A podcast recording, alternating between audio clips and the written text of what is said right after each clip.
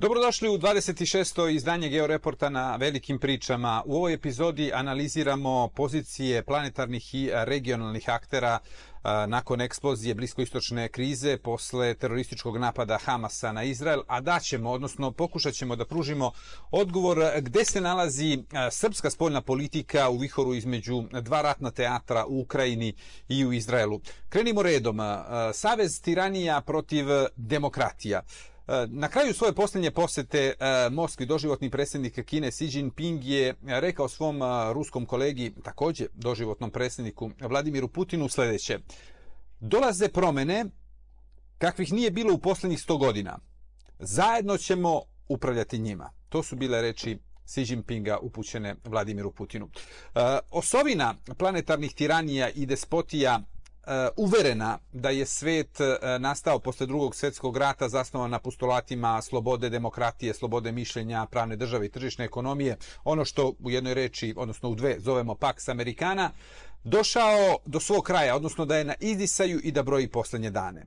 Ruska invazija na Ukrajinu, Hamasov teroristički napad na Izrael, serija vojnih pučeva e, u Africi protiv režima koji su bili u privilegovanim odnosima sa Francuskom ili su bili koliko toliko demokratije. Sve agresivnije ponašanje Kine u Južnom Kineskom moru i posebno prema Tajvanu. E, stimulisanje migrantskih talasa prema Evropi e, sa željom da se destabilizuje Evropska unija. Sve jača propaganda protiv evropskih i univerzalnih vrednosti. Brutalno gušenje pokreta za prava žena u Iranu. E, sve su to delovi jednog te istog pazla ili ako hoćete promene o kojima je govorio Xi Jinping, koje Rusija i Kina žele da upravljaju zajedno. Baš kao što deo istih promena predstavlja porast autokratskih, neliberalnih i, e, i kleptokratskih režima na globusu, umeđu vremenu oni su postali i apsolutna većina. Kina, Rusija, Iran, Severna Koreja, e, Sirija, Venezuela, Kuba i niz afričkih država zajedno sa drugim terorističkim e, ili paramilitarnim formacijama razasuti po celoj planeti vide sebe kao predvodnike novog vremena, budućeg planetarnog poretka. U njihovim očima Evropa je slaba, razjedinjena i sa petom kolonom oličenom u muslimanskom stanovništvu kao i ekstremnoj desnici i levici koje e, oni tretiraju kao korisne idiote. Amerika je po istim tim centrima e, moći m, u fazi deklinacije, e, umorna od hegemonskog statusa, sklona izolacionizmu i na korak od unutrašnjeg rasnog i ideološkog sukoba. E, nije slučajno da su kineske i ruske e, fabrike za proizvodnju lažnih vesti koncentrisane na raspaljivanje sukoba i animoziteta unutar zapadnih društava i najavljivanja propasti zapada, što ste verovatno i primetili prateći društvene mreže i pojedine naloge koji se upravo bave samo tim i uglavnom njihov koren, odnosno njihova centrala se nalazi na dalekom istoku ili nešto bliže u Kremlju, odnosno Moskvi ili Sankt Peterburgu. Japan i Australija u toj priči su ostrva koja bez američke dakle flote na okeanima kao zaštite lako mogu da budu izolovane i ne predstavljaju problem za taj takozvani heartland kako se nazivao u žargonu. Jedina nepoznanica u celoj toj priči su Indija, Turska i donekle zalivske petromonarhije, pre svega Saudijska Arabija, koja se nalazi na klackalici da li da kreira svoju zonu interesa ili da se prikloni nekoj od postojećih, a ne treba zaboraviti ni e, želju i nameru, veoma snažnu e, princa prestolonaslednika Muhameda bin Salmana da modernizuje e, svoju zemlju i da je učini e, jačom nego što je sada. Gde je u toj celoj priči Srbija? Građane Srbije e, bi trebalo da zabrine činjenica da se Beograd sve češće svrstava u društvo koje predvode Peking i Moskva. E, Beograd se često vidi kao instrument u rukama Džongnan Haja i Kremlja. Priština je upravo igrala na tu kartu kada je insistirala na kvalifikaciji paramilitarnih snaga Milana Radojičića kao terorističkih povezani sa Moskom čiji je cilj destabilizacija regiona i to u ime Srbije, ali za račun Rusije. E, ako Beograd nastavi da podgreva takav narativ, u Evropi i Sjedinjenim američkim državama, a visoki zvaničnici naše zemlje ne prestanu da daju izjave koje takve e, narative čine kredibilnim, Srbija će se zaista naći u velikim problemima i praktično na šinama za povratak u 90. E, ruska invazija na Ukrajinu i drastični zaokret e, politike e, proširenja Evropske unije izmakle su praktično tlo pod nogama spoljnoj politici koju je Srbija praktično vodila u posljednjih eh, 18 godina, ne samo od dolaska na vlast Aleksandra Vučića, već i prethodno sa čuvenom eh, politikom koju je, e, možemo da tako kažemo, postavio na četiri noge e, Tadić i e, Jeremić zajedno kada su oni vladali, odnosno kada su oni dirigovali srpskom spoljnom politikom. Treći događaj koji je stavio predsjednika Srbije u bokserskim rečnikom ugao je vatreni okršaj i sukob koji se dogodio na severu Kosova između ajde, možemo da i kažemo pobunjenika, hajduka, kako god svakako da upotrebiti izraz teroristi je pretežak. I kosovskih, naravno, policijskih snaga. Kada je ruska invazija počela na Ukrajinu, zvanični Beograd je dobio jasno upozorenje odnosno postavljene su mu crvene linije od e, zapadnih partnera da ne sme da pokuša da destabilizuje region, posebno okolne zemlje kao što su Bosna i Hercegovina, Crna Gora i Kosovo. E, taktiziranje srpskih vlasti oko uvođenja sankcija Ruskoj federaciji je tolerisano od Evropske unije i Sjedinjenih američkih država iz brojnih razloga, ali samo pod uslovom da Beograd ne destabilizuje region E, javno koketiranje sa diktatorskim, e, autokratskim i kleptokratskim režimima širom planete, Beograd je na neki način kompenzovao u odnosima vis-a-vis sa Evropskom unijom i e, sa Vašingtonom konstruktivnim ponašanjem iza kulisa, kao što je dogovor oko slanja municije Ukrajinu, pomoći Ukrajine u uspostavljanju energetskog sistema i na niz drugih načina, kao i dosledno poštovanje sankcija, odnosno spoljnog zida sankcija prema Rusiji. Dakle, Srbija nije uvela sankcije Rusiji, ali ih zato poštuje dosledno. U svakom slučaju, događaji u selu Banjska su flagrantno prelaženje crvene linije koju su Evropska unija i sad postavile Beogradu i zbog toga je krejina čitao ovaj slučaj. Zašto zvaničnici Beograda e, i dalje daju materijal Prištini eh, da širi svoju propagandu kako je Srbija balkanska Rusija, a da je Kosovo balkanska Ukrajina. Reč je o narativu koji je kosovski premijer Kurti forsira od samog početka ruske agresije na Ukrajinu, a dobar deo državnog vrha Srbije kao da se utrkuje da izjavama, potezima potkrepe i daju kredibilnost toj propagandi. Vučić misli i dalje da je njegov opstanak na vlasti u Srbiji m, direktno vezan za njegovu spoljnu politiku, odnosno da je vezan za dosadašnju spoljnu politiku, to jest da vodi ovu vrstu ambivalentnog odnosa e, u sve brisanijem prostoru između autokratskih i kleptokratskih e, država u odnosu na demokratsko-liberalni svet. U tom smislu je za njega ruski napad na Ukrajinu bio najgori mogući scenario jer je značajno otežao vođenje takve politike.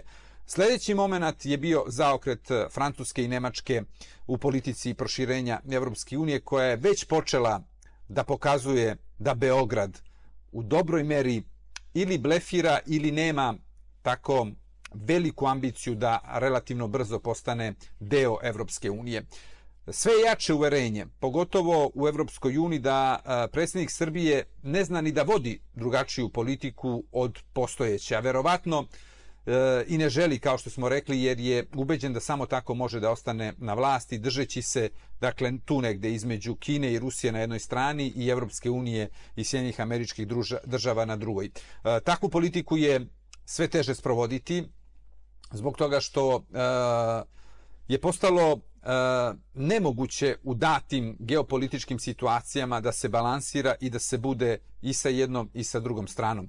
E, kao što Slobodan Milošević nije shvatio značaj pada Berlinskog zida, a takođe ni raspada Sovjetskog saveza, kao ni e, podelu uloga koja je napravljena između u tom periodu Jeljcina i tadašnjeg ostataka bivšeg komunističkog režima, posebno u vojnom vrhu koji su na kraju krajeva Srbiju i poprilično koštali. Tako danas izgleda aktuelna vlast ne tumači, ne interpretira dobro geopolitička preslagivanja na starom kontinentu, ali i na planeti.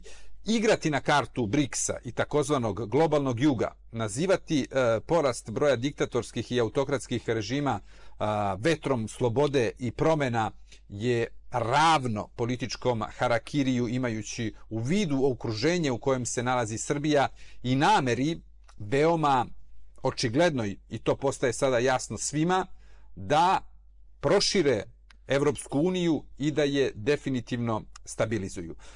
Dodatno proširenje Evropske unije i NATO-a, ni to ne treba da zaboravimo, na istok i na zapadni Balkan izlazak Ukrajine kao neporažene u ratu sa Ruskom federacijom, zatim nastavak izolacije Rusije i ubrzani takozvani decoupling između Evropske unije i Sjednjih američkih država na jednoj strani i Kine na drugom, je sve izvesniji scenario u kojem će se Beograd, ako ne napravi zaokret za 180 stepeni, probuditi vrlo brzo kao rupa na evropskom tepihu. Sada se vratimo na bliskoistočnu krizu i na ulogu Rusije i Irana u onome što se dogodilo i što se događa na prostoru Bliskog i Srednjeg istoka. Ruska invazija na Ukrajinu i Hamasov napad na Izrael imaju mnogo više dodirnih tačaka nego što se to može pomisliti na prvi pogled. Putin nije formalno objavio rat u Ukrajini umjesto note, on je održao javni čas e, iz istorije, zaključivši da Ukrajina ne postoji, da nema svoju istoriju, e, svoj identitet, svoj jezik e, i da je u suštini samo deo ruske tradicije i tek nešto više od geografskog pojma. Za Putina Ukrajina je proizvod gluposti, darežljivosti i podmuklosti Lenjina, Staljina i Hruščova. Prvi odgovoran što je formalno formirao Republiku Ukrajinu, dakle Lenin, drugi Stalin jer joj je dao zapadne delove posle drugog svjetskog rata, a treći jer je poklonio, odnosno Hruščov, Krim Ukrajini. Zato za Moskvu agresija na Ukrajinu nije rat, već specijalna operacija za vraćanje stvari kako oni to vide na svoje mesto. Teroristička organizacija Hamas je produžena ruka Irana.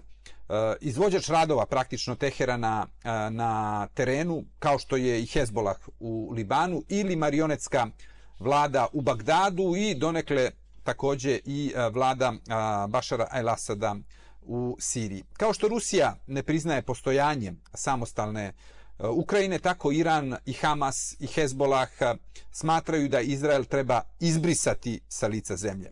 Vrhovni vođa uh, Irana, Ali Hamnej je definisao Izrael kao maligni cionistički tumor koji treba odstraniti.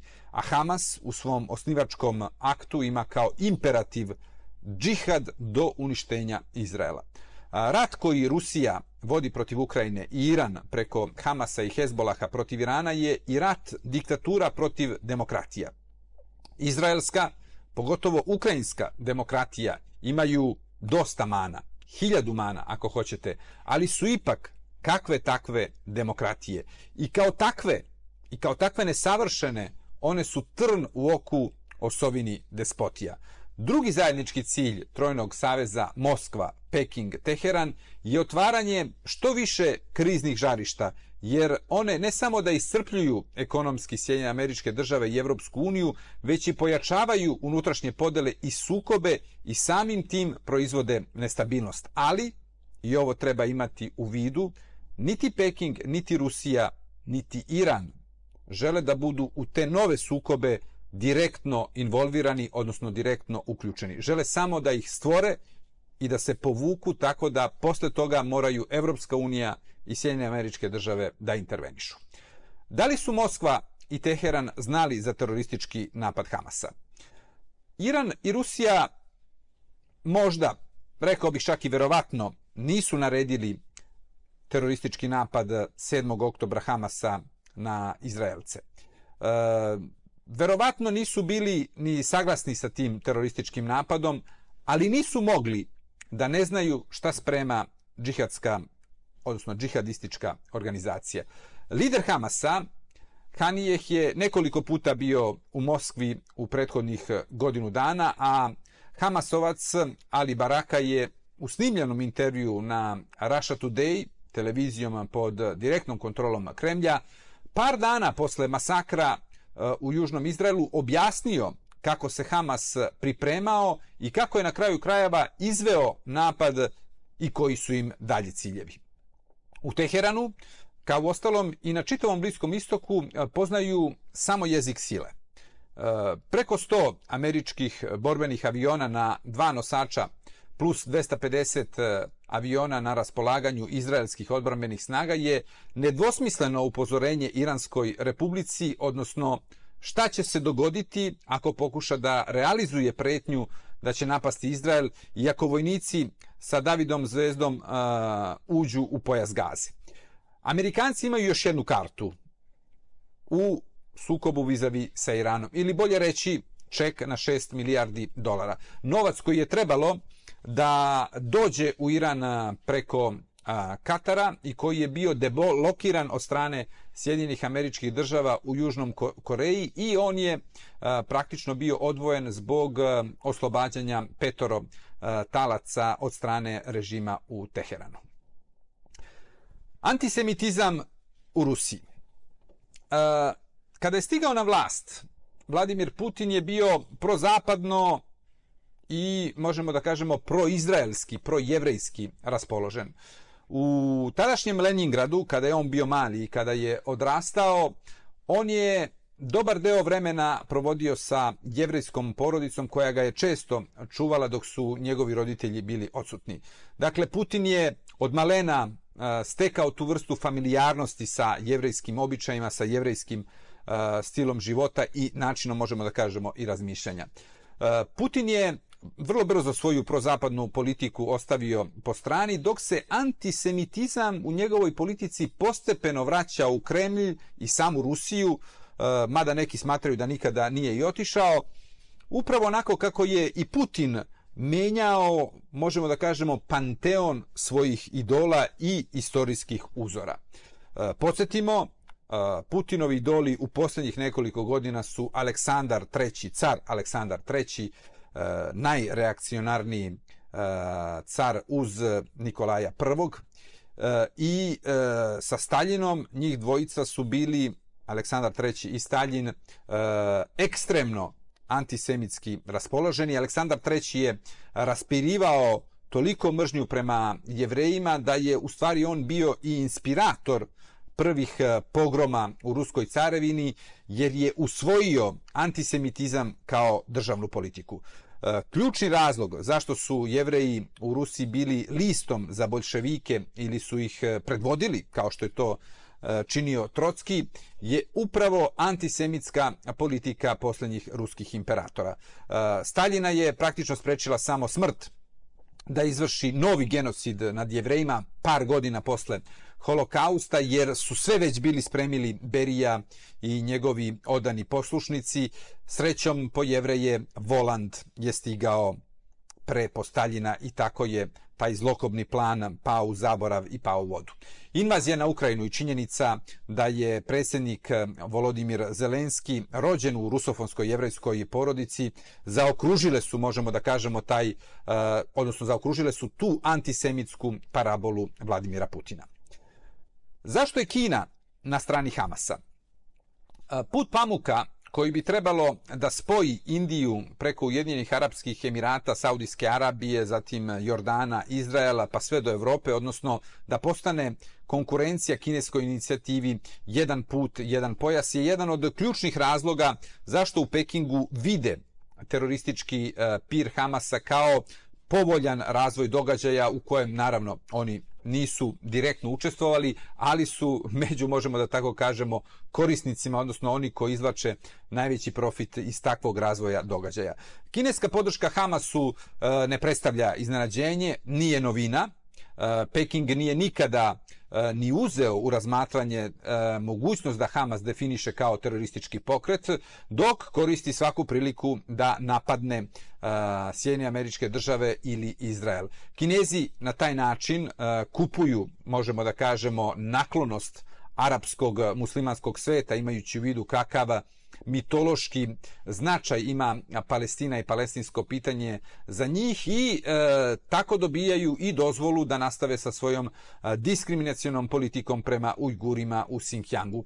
E, kineska strategija e, kao i uvek e, je ona stara još iz doba rimskih imperatora, ali verovatno i, i pre nego što su oni počeli da je primenjuju, ona se primenjivala samo što su i oni, možemo da kažemo, uh, uglavili u maksimu divide et impera, zavadi pa vladaj. I pogotovo Kina primenjuje tu vrstu taktike i tu vrstu uh, spoljnopolitičkog pristupa kada je neophodan takav pristup da bi realizovali svoje geopolitičke ciljeve.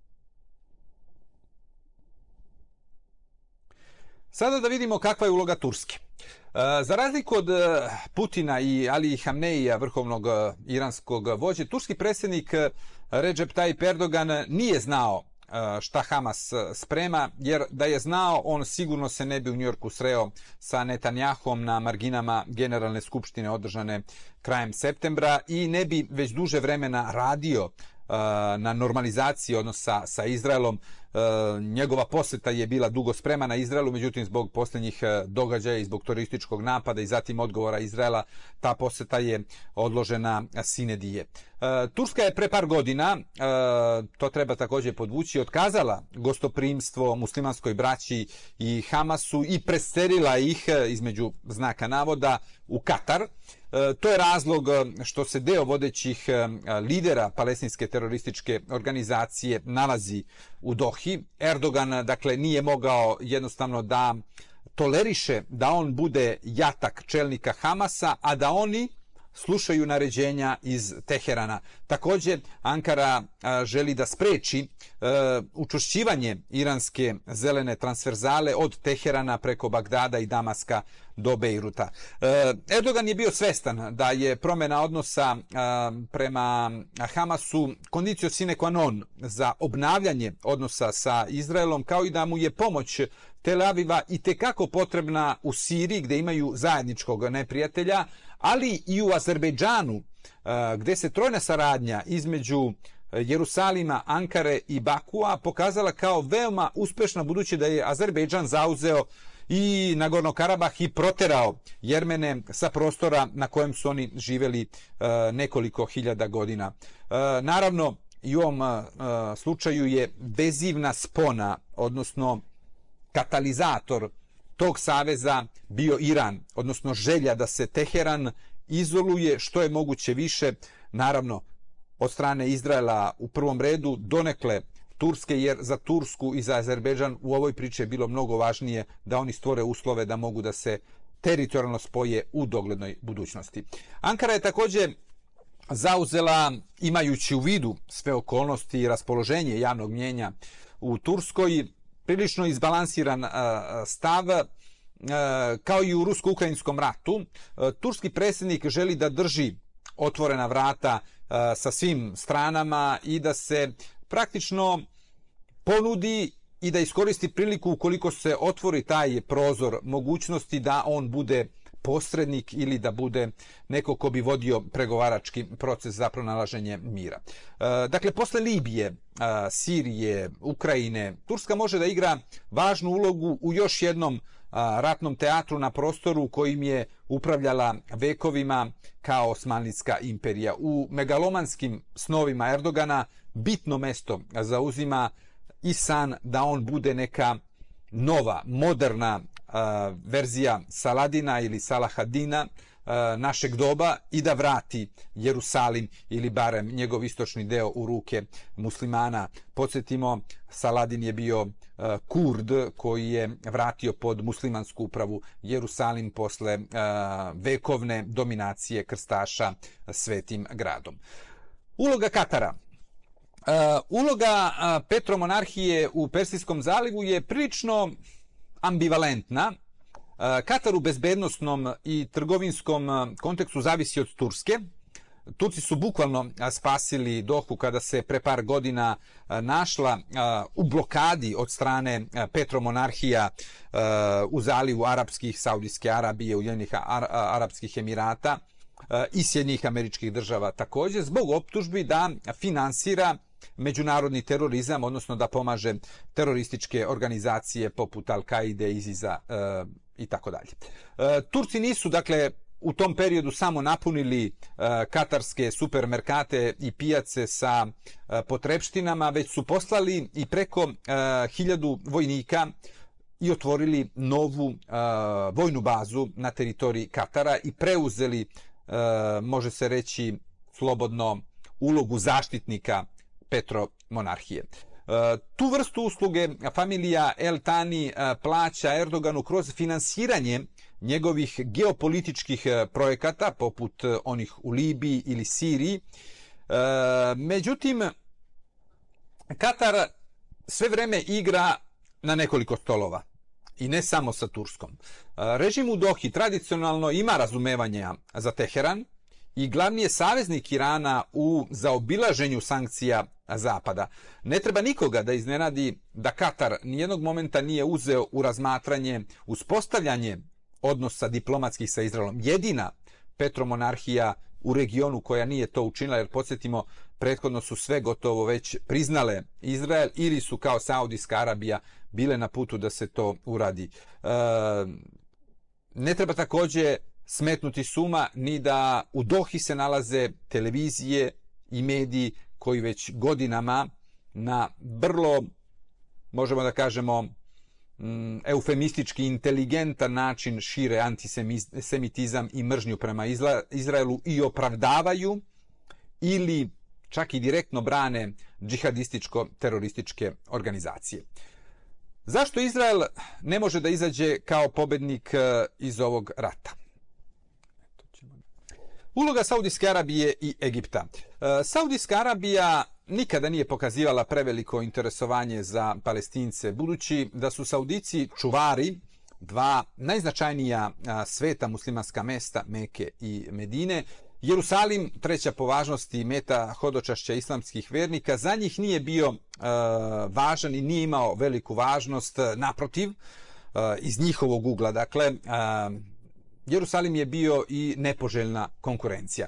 E, tradicionalno su o Arapima iz Palestine vodili brigu njihova braća iz Egipta, Jordana i Sirije. E, Rijad i druge e, Petro monarhije iz Persijskog zaliva, Ujedinjeni Arapski Emirati, Bahrein, Kuwait, Katar, o kojem smo već nešto rekli, u posljednjih 50 godina vode poprilično dvoličnu politiku.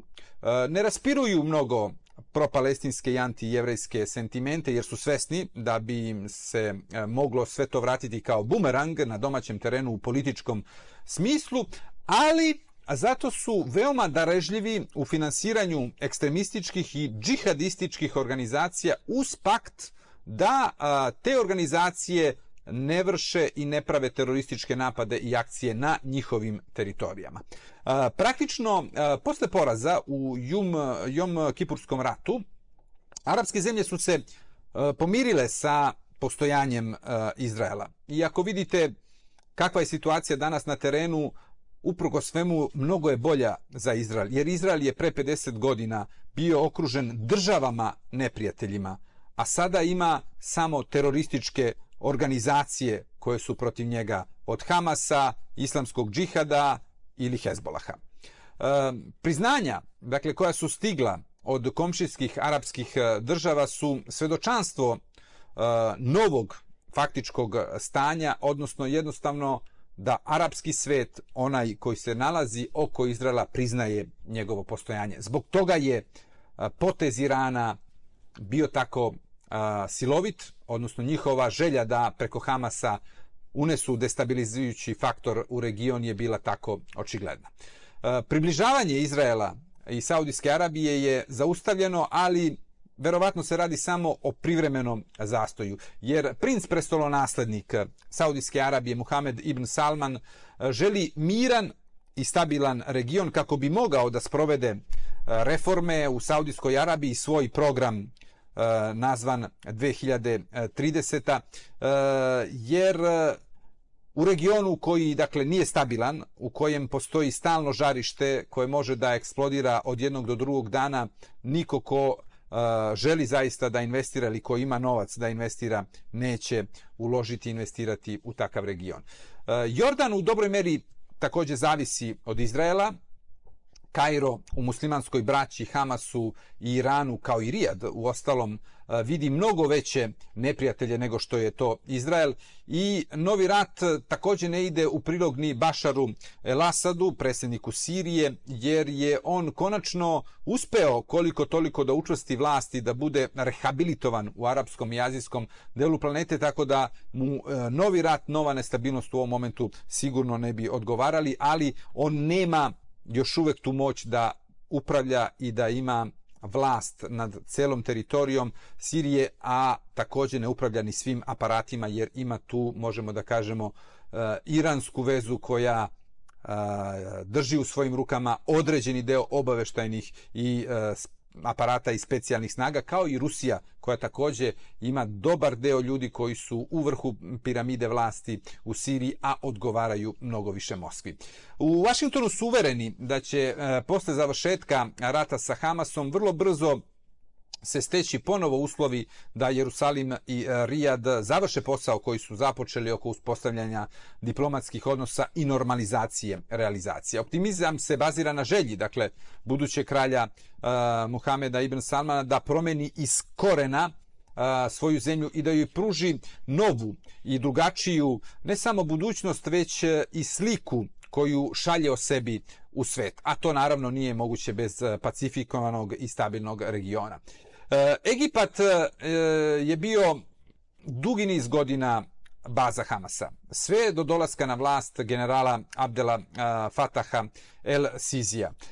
Međutim, kako je Hamas palestinsko rebro muslimanske braće, za njih dakle nije moglo više da bude mesta u Egiptu sa aktuelnim predsjednikom, jer podsjetimo za El Sisija muslimanska braća predstavljaju ključnog neprijatelja, ključnog političkog takmaca na domaćem terenu. E, motivi zašto El Sisi drži zatvoren prolaz e, sa gazom je bojazan da bi među izbjeglicama nekoliko stotina hiljada, a ako ne i više od miliona, mogli vrlo lako da se kamufliraju i pripadnici e, Hamasa koji bi posljedično kasnije mogli da naprave velike probleme Egiptu na unutrašnjem planu. Kakva je uloga Indije?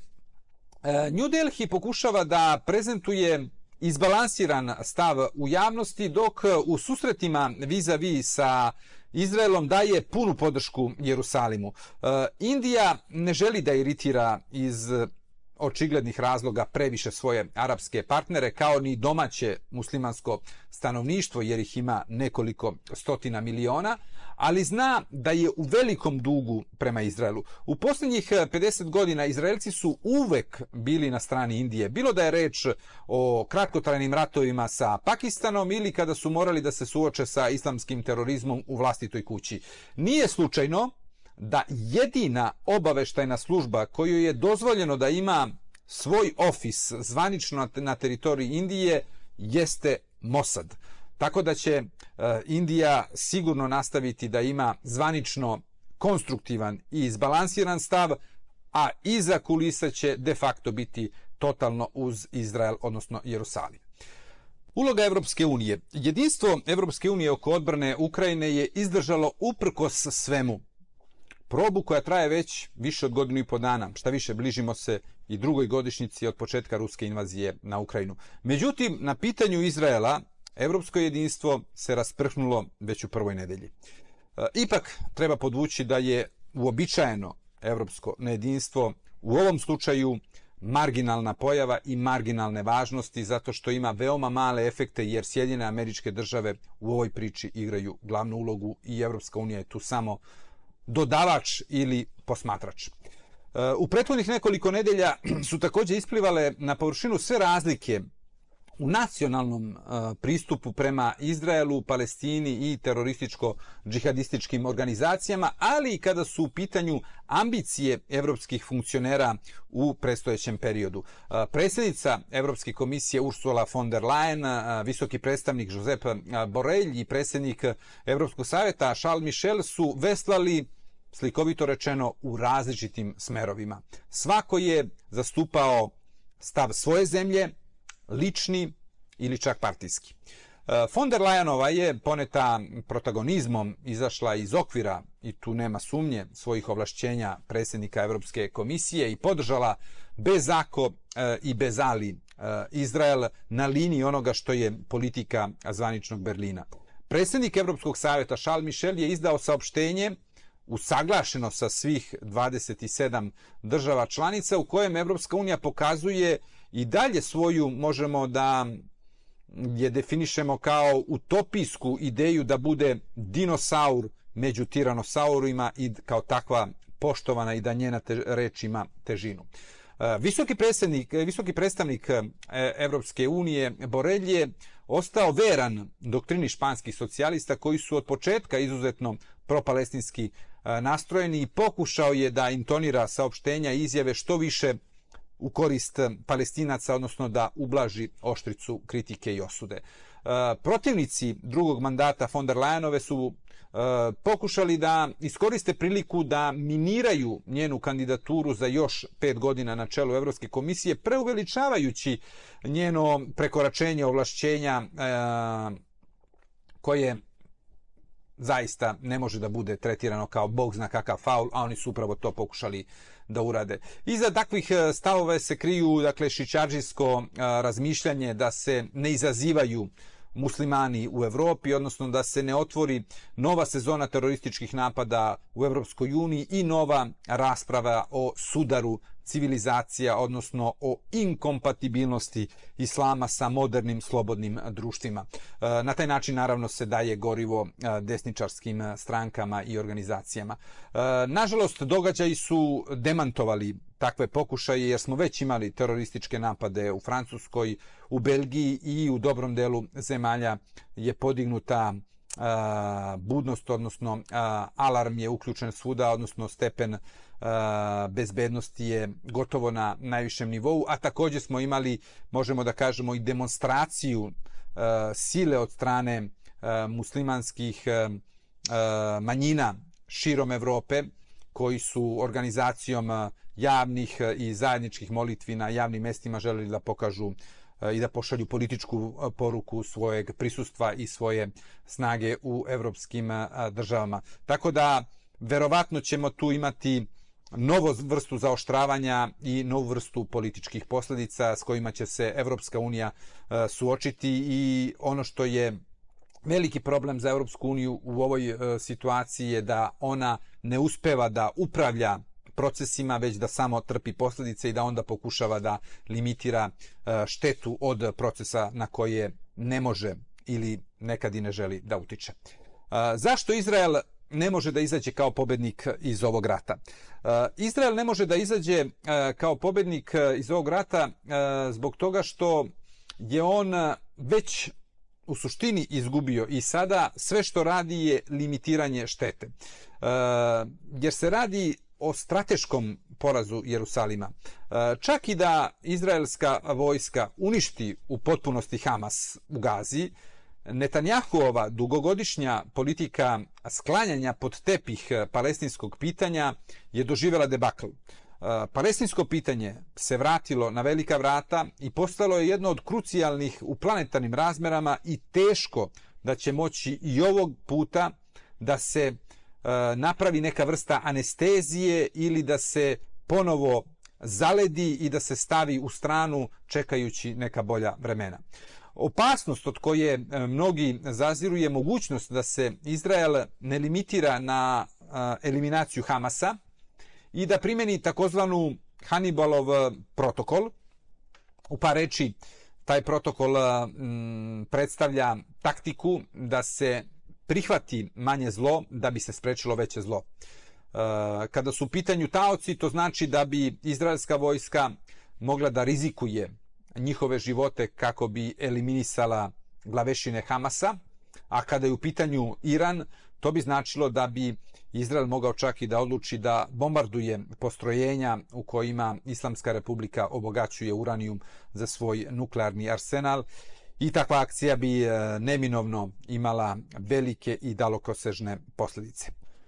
Koji je američki cilj? E, američki predsjednik Joe Biden bi da izbegne novi regionalni rat. Mm, odnosno, namera Vašingtona je da se ostane u okvirima sukoba, odnosno obračuna između Izraela i Hamasa. U Vašingtonu bi želeli da što pre zatvore, barem privremeno, i priču sa rusko-ukrajinskim ratom i posljednje što im treba u ovom momentu je novi sukob širokih razmera na Bliskom istoku, pogotovo ne u izbornoj godini. Jer pravilo je da predsjednici plaćaju visoku cenu na biralištima kada je Amerika direktno uključena u neki rat ili u neku veliku krizu. E, nosači aviona e, Gerald Ford i Eisenhower koji su već u Mediteranskom moru imaju odvraćajuću snagu i imaju tu vrstu poruke koju žele da pošalju prema regionalnim akterima koji bi mogli da imaju ideju da napadnu Izrael koristeći situaciju ili slabost e, u njihovim očima koju ispoljava u ovom momentu Jerusalim. E, sve dok bude imao podršku Sjedinjih američkih država, Izrael neće morati da strahuje za svoj opstanak i zato je politika Netanjahua bila hazarderska i duboko pogrešna. E, na njegovu sreću, u Beloj kući sedi ipak odgovoran čovek kakav jeste Joe Biden uz gomilu kritika ili zamerki koje možemo da uputimo na njegov račun. E, on je u ostalom to i pokazao svojim potezima i ponašanjem e, i prvi je predsjednik Sjedinjenih američkih država koji je otišao na područje u kojem Sjedinjene američke države nisu imale kontrolu, a to područje se nalazilo u ratu kao što je to bio slučaj sa posjetom uh, Izraelu uh, pre nekoliko dana. Dakle, uh, jednostavno Izrael ima sreću da se u Americi nalaze ljudi koji imaju odgovornost i koji su odgovorni za razliku od samog Netanjahova i njegovih saveznika, pogotovo onih koji dolaze iz ultraortodoksnih partija. Toliko u ovom georeportu. Vratit ćemo se i pričat ćemo sigurno još o bliskoistočnoj krizi, a u sljedećem georeportu ćemo se fokusirati e, u traženju odgovora na pitanje da li je moguć treći svjetski rat. Do sljedećeg gledanja i slušanja.